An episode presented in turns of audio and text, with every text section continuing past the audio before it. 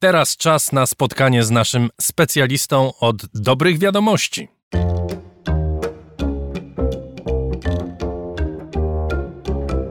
Rożek Urosiaka w raporcie. Tomasz Rożek jest z nami, gospodarz kanału Nauka to Lubię. Witam cię, Tomku. Dzień dobry, z tymi dobrymi wiadomościami to rozumiem, że mnie podpuszczasz. No nie, właśnie nie bez powodu to mówię, ponieważ dokonałem analizy. Aha. Trzy razy spotkaliśmy się w tym roku i dwa z tych spotkań dotyczyły rzeczy bardzo optymistycznych, mianowicie teleskopu Webba Mhm. i odkrycia nowego wariantu genetycznego, który może mieć znaczenie w walce z COVID-em. A dzisiaj trzeci. Nie, wcześniej jeszcze był syndrom hawański i to jest remis, powiedziałbym. Nierozstrzygnięta sprawa, nie wiadomo co to jest, czyli można powiedzieć, że też kto wie, może to się jakoś dobrze skończy wszystko. Dobrze, że nie analizowałeś roku poprzedniego. Analizowałem, ale zachowam dla siebie No właśnie. wynik moich badań dogłębnych. Ale dzisiaj mamy kolejny powód do radości, bo mm, mamy 75% optymizmu, 25% pesymizmu. Myślę, że możemy sobie pogratulować. Dlatego mm, się przy tym zatrzymałem, bo często słyszę od słuchaczy, że raport jest y, kroniką czasu y, zarazy, różnych katastrof, a dobrze odkryć, że kiedy rozmawiamy o sprawach naukowych czy sprawach związanych nawet ze zdrowiem, to czasami mamy też dobre wiadomości, w związku z tym brawo my. Bardzo się staram, w każdym razie. I właśnie dzisiaj idziemy za ciosem, porozmawiamy o rozwiązaniu jednego z najważniejszych problemów ludzkości, mianowicie dostępu do czystej energii. I to jeszcze na dodatek, nie dość, że ona jest czysta, to jest tania, powszechnie dostępna i niezawodna. I gdzie tu jest haczyk? Jeszcze, ja myślę, że wiesz, tak, tak ogólnie to myślę, że taka energia już istnieje. I wiesz, o czym myślę?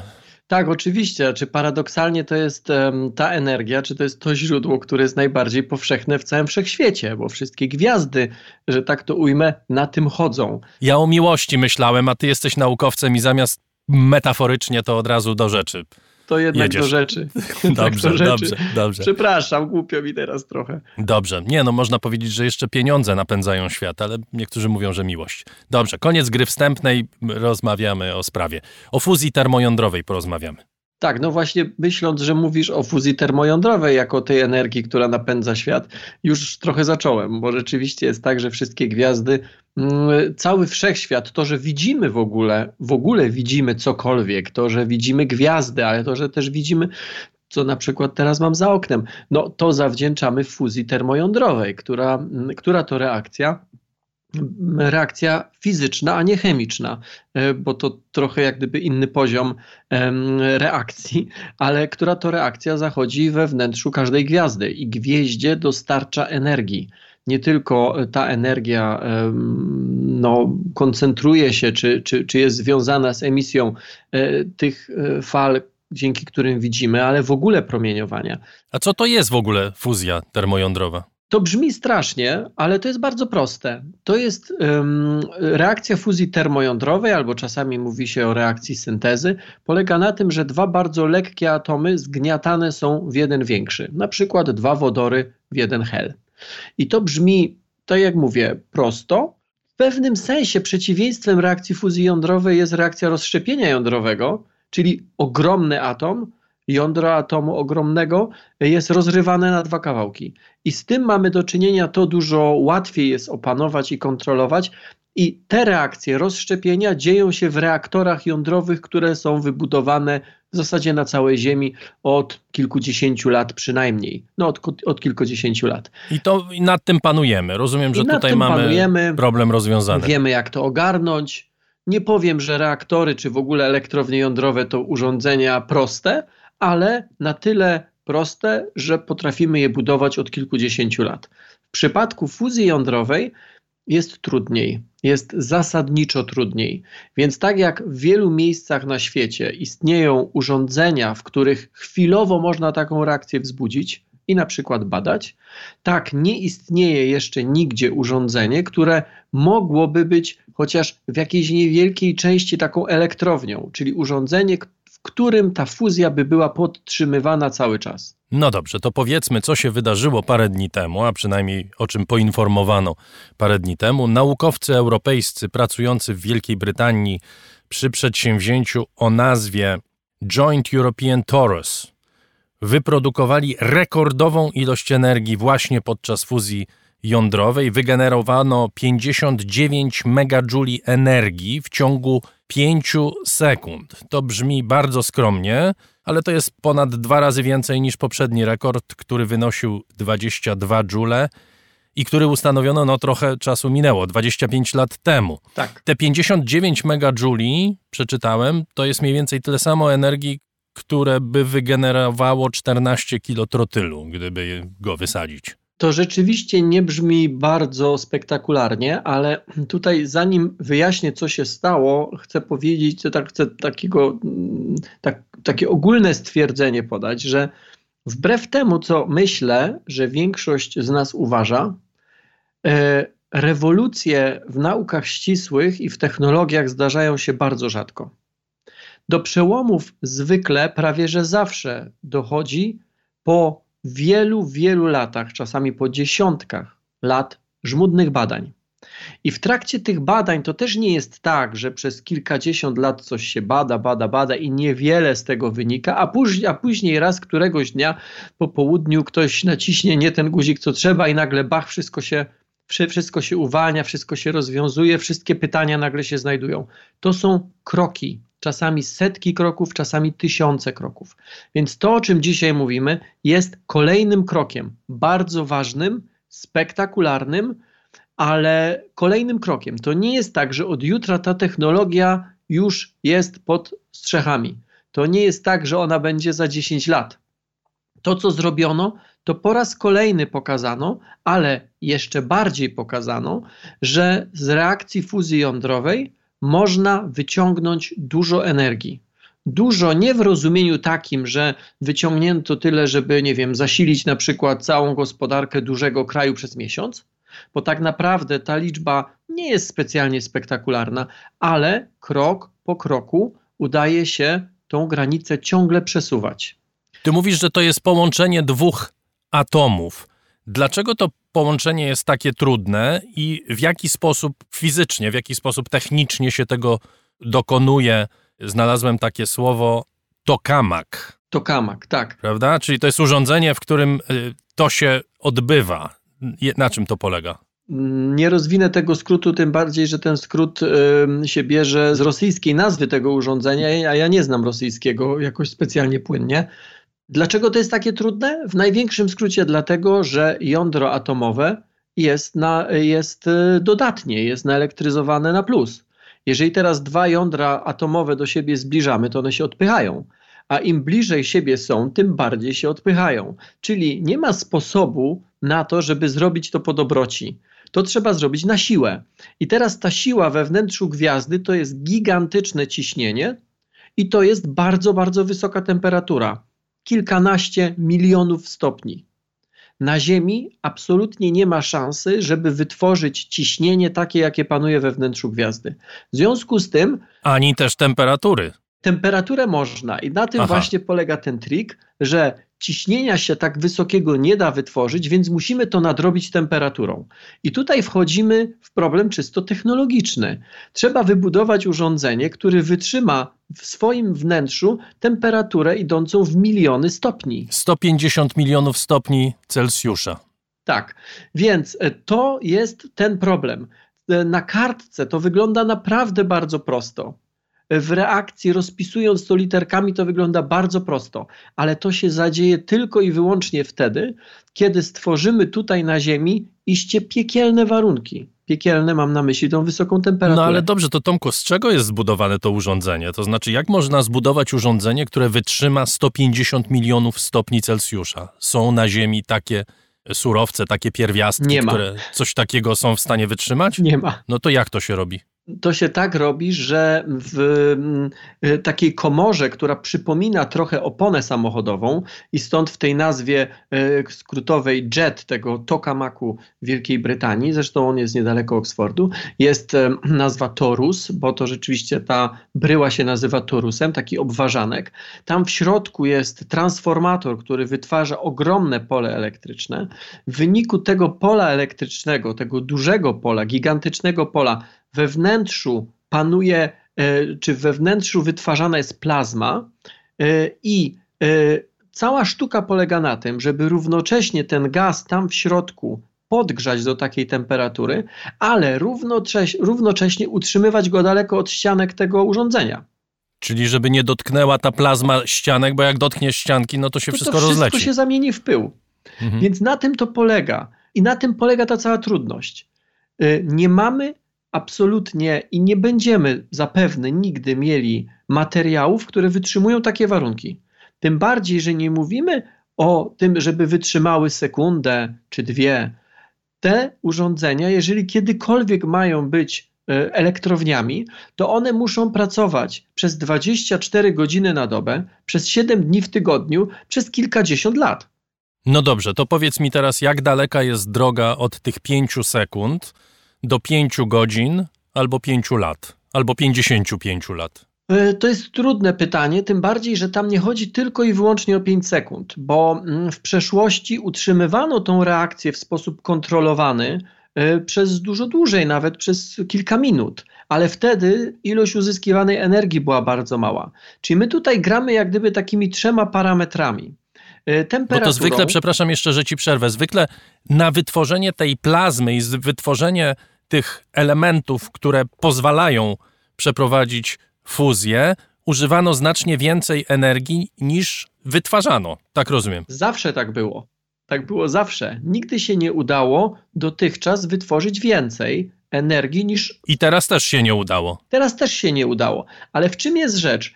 Na tym etapie nikt jeszcze nie oczekuje tego, żeby te urządzenia produkowały energię, dlatego że te urządzenia, na których dzisiaj się to wszystko testuje, to są urządzenia badawcze, to są urządzenia eksperymentalne.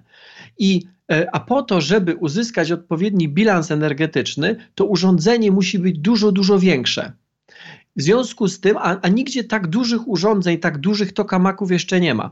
Teraz budowany jest pierwszy ogromny, ogromny tokamak na południu Francji. E, byłem tam e, w takim ośrodku Kadarasz. Byłem tam dwa albo trzy razy na wstępnym etapie budowy i to już wtedy robiło gigantyczne wrażenie. To jest coś niesamowitego. To jest najbardziej skomplikowany eksperyment naukowy czy urządzenie naukowe, jakie kiedykolwiek człowiek wybudował.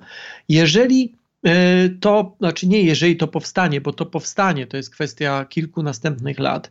Tam już będzie, czy, czy rozmiary tego e, urządzenia, to urządzenie francuskie nazywa się ITER, to jest międzynarodowy projekt.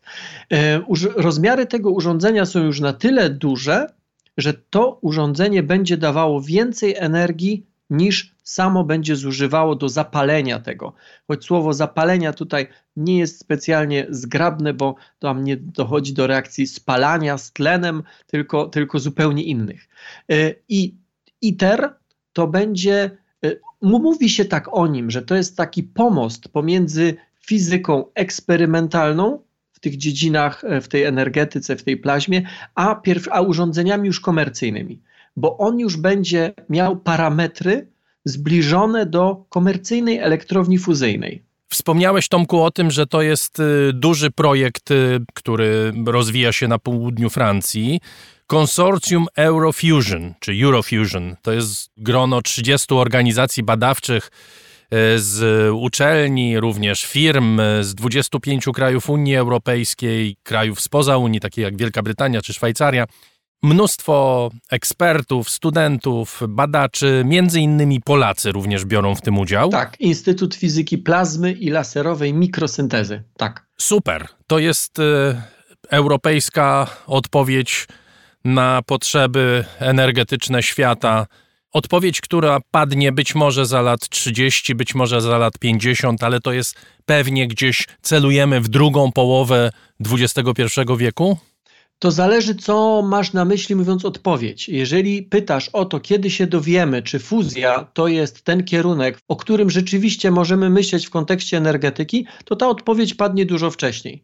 Natomiast jeżeli pytasz, kiedy powstaną pierwsze komercyjne elektrownie fuzyjne, to tak, to ja myślę, że to jest koniec tego wieku. I możemy o tym dzisiaj powiedzieć w miarę spokojnie i w miarę z jakąś tam pewnością?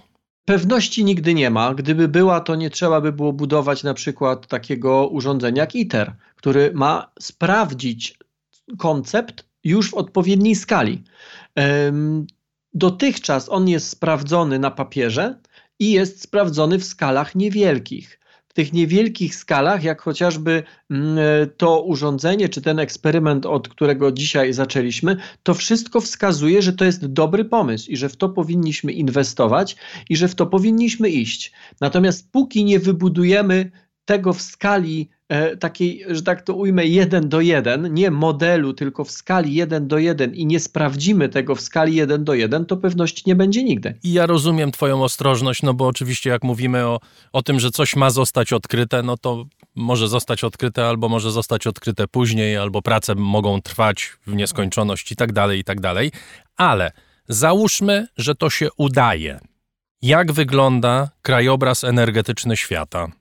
Jeżeli umiemy produkować energię z fuzji termojądrowej i tę energię umiemy wykorzystywać komercyjnie, to znaczy podgrzewać sobie wodę w kuchni przy pomocy tej energii, sterować pociągami, samolotami, samochodami i tak dalej. Jak to robimy? Przy optymistycznym założeniu, a ja za chwilę powiem, co jest dla mnie optymistycznym założeniem, to powoduje, że większość tych problemów, o których dzisiaj mówimy, że to są problemy globalne, daje się rozwiązać.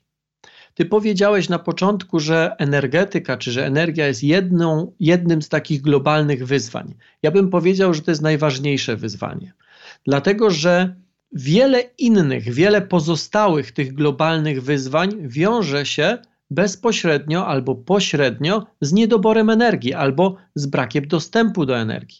I mam tutaj na myśli chociażby kwestię dostępu do czystej wody na planecie, która jest planetą wodną, e, dostęp do czystej wody ma tylko część mieszkańców, a reszta nie ma, dlatego że nie ma dostępu do energii, która mogłaby tą wodę oczyścić albo odsolić.